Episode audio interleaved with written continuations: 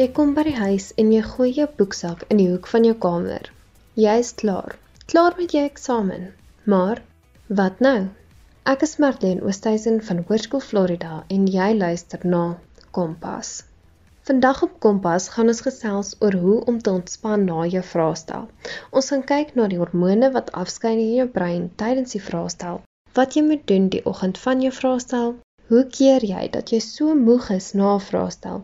En die grootste vraag, hoe ontspan jy na jou vraestel en hoe berei jy jouself voor om gemotiveerd te bly vir die volgende vak en vir jou rapport wat voorlê?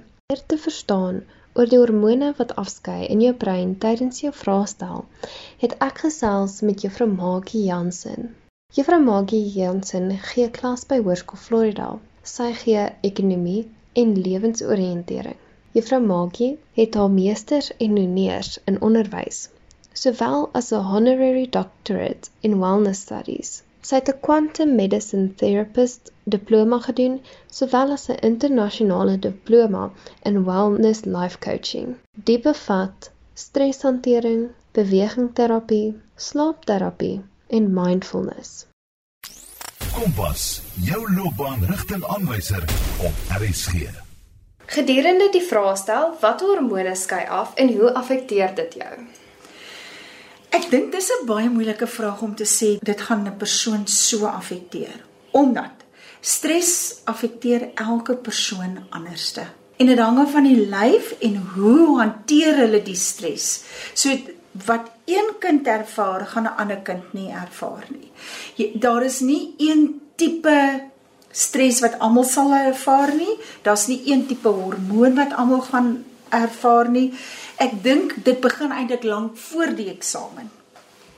Aan die begin van die jaar wanneer jy jou studiemateriaal en so kry. Definitief aan die begin van die jaar want dit gaan dan oor beplanning, dit gaan van hoe voorberei jy is en baie keer ja, maar om dit so te sê, maar daar's baggage wat wat leerders dan saambring en dit al klaar hierdie blok teenoor 'n vak nog voordat hulle begin eksamen skryf het. Sou mens sê dit is byvoorbeeld in graad 8 en 9 as jy weet jy's nie goed in wiskunde nie of jy dink jy's nie goed in wiskunde nie of dalk 'n vorige onderwyser wat die vak nie lekker gemaak het nie. Sou mens dit stel as die baggage wat hulle saamdra. Definitief of van jou leerders wat baie keer oorgeplaas is want onthou die departement het natuurlik baie van ons leerders hulle het nie na wiskunde gekyk die punte en die kinders is is oorgeplaas.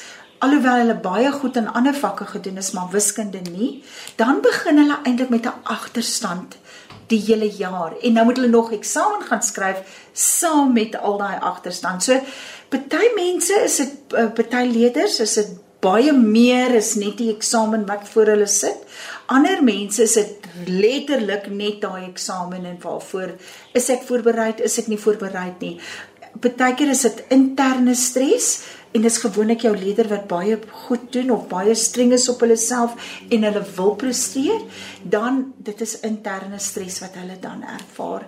En dit kan partykeer baie erger wees as 'n kind wat weet, ag, hoekom skryf ek die eksamen? Ek gaan tog in elk geval nie deurkom nie. Dit is 'n baie mooi antwoord. Baie dankie, vrou.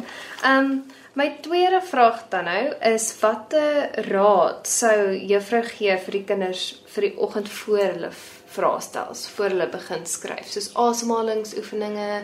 Juffrou het uh, net nou iets gesê van massering.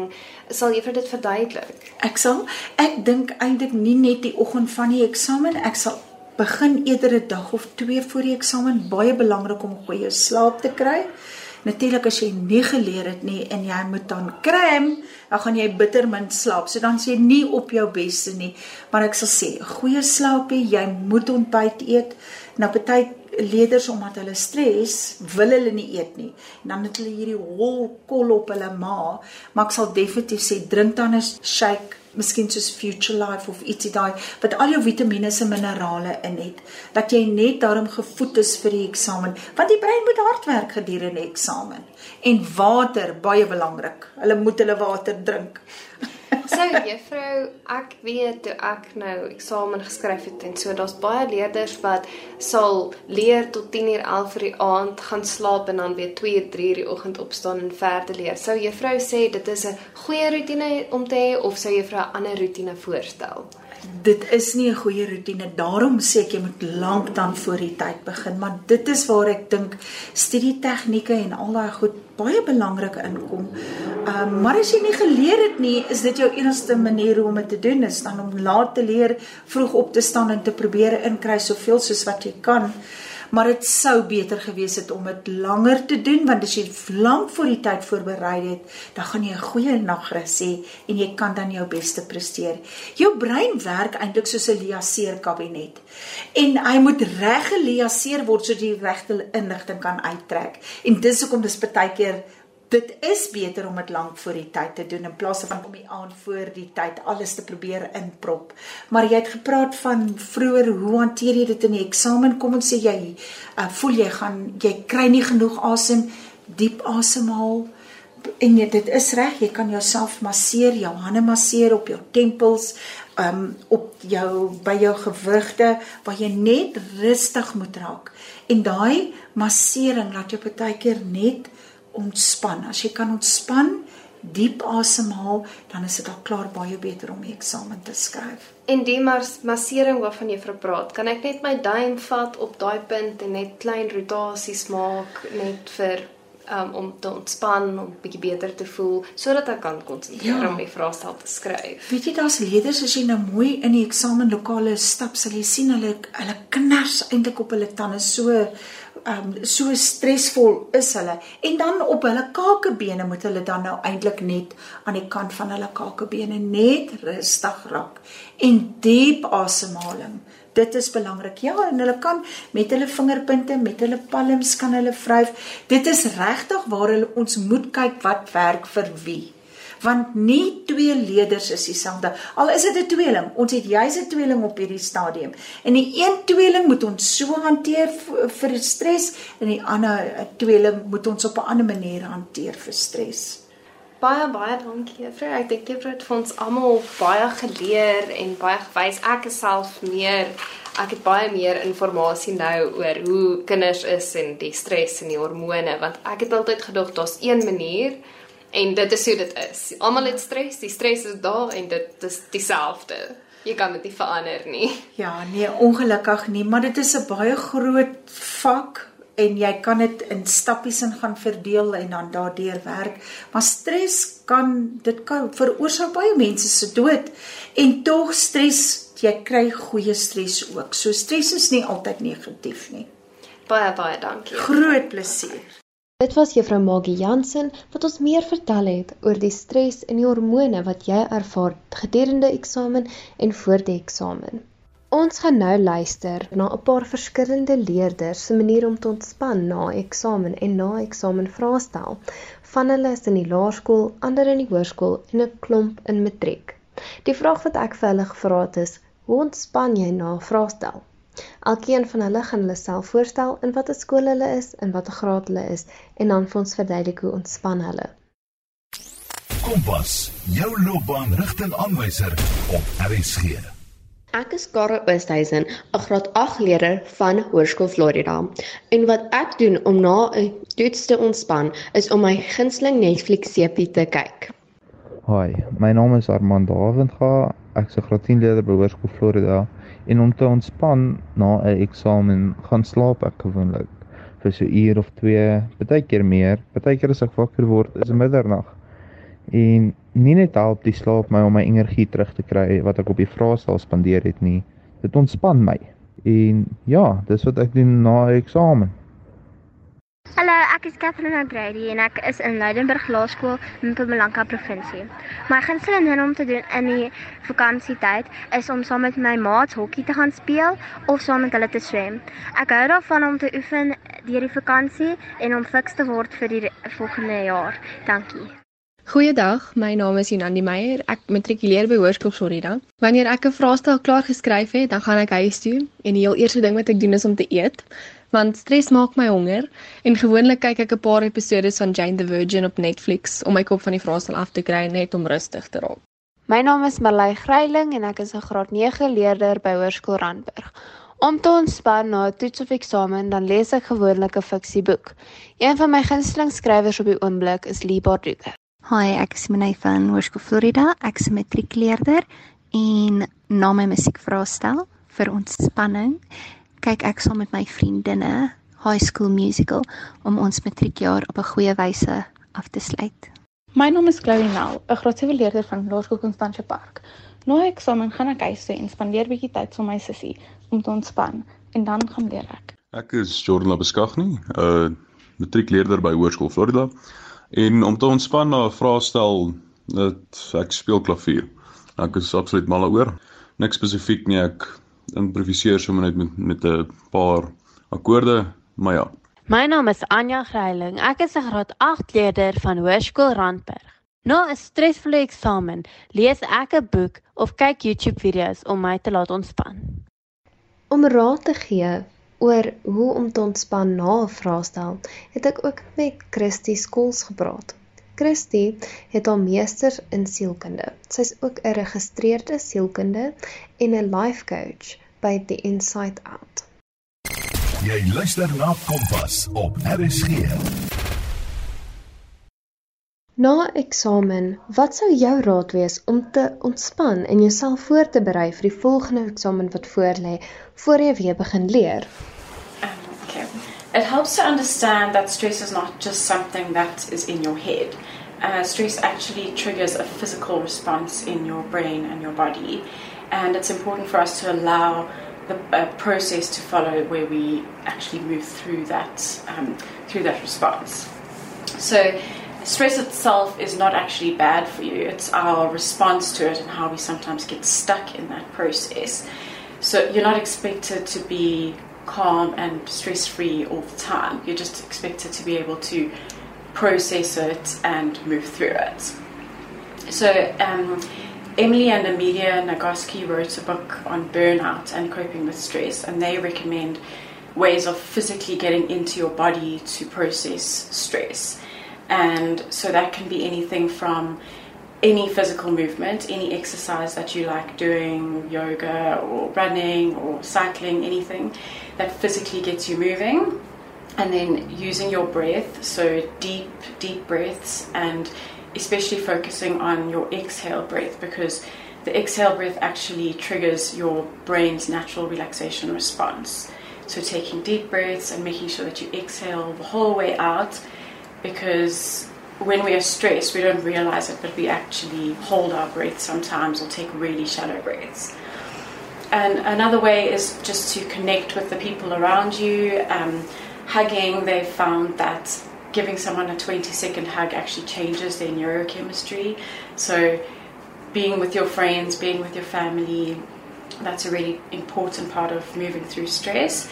And um, also, laughter, like real, proper belly laughs. So, doing something that you enjoy, like watching a movie or a comedy, something that you know is going to make you really laugh, that's a great way to relax and doing creative activities. So, if you like coloring or art or music, those are all natural ways to allow stress hormones to naturally pass through your body. Na die eksamens is meeste van ons stres verby, behalwe vir die stres van die matriek, uitslae wat voorlê en ons rapporte wat ons moet gaan haal. Wat sou jou raad wees dat ons hierdie stres kan hanteer? I think it's important to um, handle stress from a whole person perspective. So you would firstly follow all of the same physical processes that I mentioned before. But then, in terms of your mind and what's going on in your mind, it's really, really important to separate what we call story from facts. So there's the facts of the situation, the facts of how the exam went and what and what happened, and then there's the story that we tell ourselves about what happened and about what it means. So it's very natural for people to make up stories in their minds. This is how we make sense of the world and the things that happen to us. The problem is, is that we believe our stories uh, and we believe that they are true. So, for example, if you've you feel that you've done badly in the exam, you might remember that there were one or two questions that you missed and you keep going back to that. But the story in your mind is something like, if I've not done well in this exam, I've ruined my life, I'm an idiot, my parents are going to be disappointed in me, my friends are going to laugh at me. Those are the stories that we make up. And those are really harmful and they prevent us from being able to actually cope with stress. So it's really important to become aware of the stories that you're telling yourself and remember that they are not necessarily true.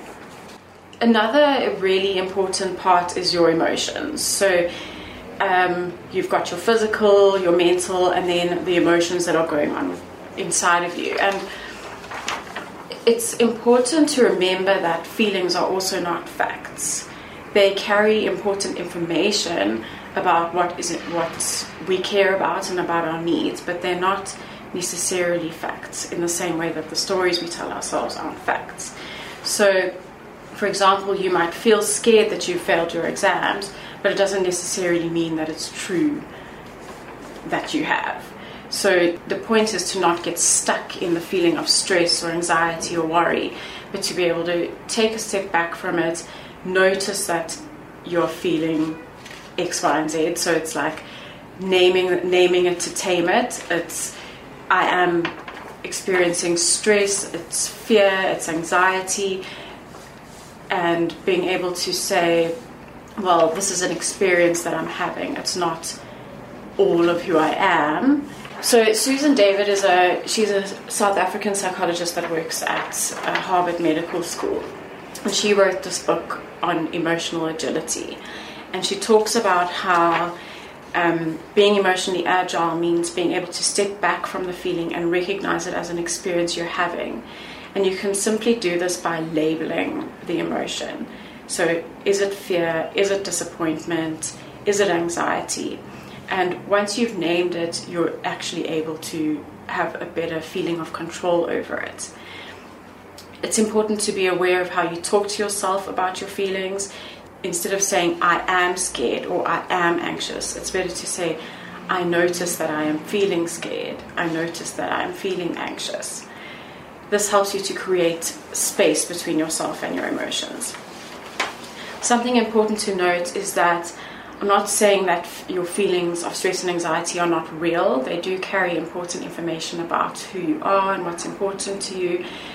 But the point here is to use the information about our feelings to guide our choices instead of drowning in the feeling itself.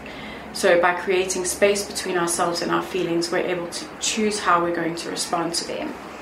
When we're kind to ourselves and give ourselves the space to allow our feelings to just be there, then we're in a better place to reflect on the choices that we've made and then make new choices that align with our vision for ourselves going forward.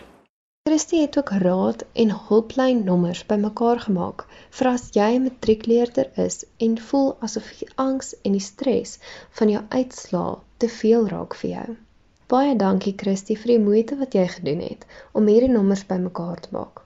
Onthou om uit te reik na iemand as jy voel asof jy in 'n donker grot van stres sit oor jou matriekuitslae. En sodra jy hierdie matriekuitslae het, moet jy die beste doen vir jou lewe vorentoe, want jy het soveel potensiaal en soveel lewe wat voor jou lê. Um on a final note, if you're really struggling with stress or anxiety to the point where it's interfering with your ability to engage with your life and connect with people, then it's really important that you get help. And uh, the first place that I would recommend starting is the South African Depression and Anxiety Group website or the Akiso clinics. Just as a side note, because some people really struggle. Op die week se episode van Kompas het jy geleer hoe om jou stres te hanteer en te ontspan na 'n vraestel. Dankie aan al die leerders wat gehelp het om vrae te beantwoord en dankie ook aan Juffrou Magie en Christy wat gehelp het met die opvoedkundige deel van die episode. Ek is Marlene Oosthuizen en dankie dat jy geluister het na Kompas.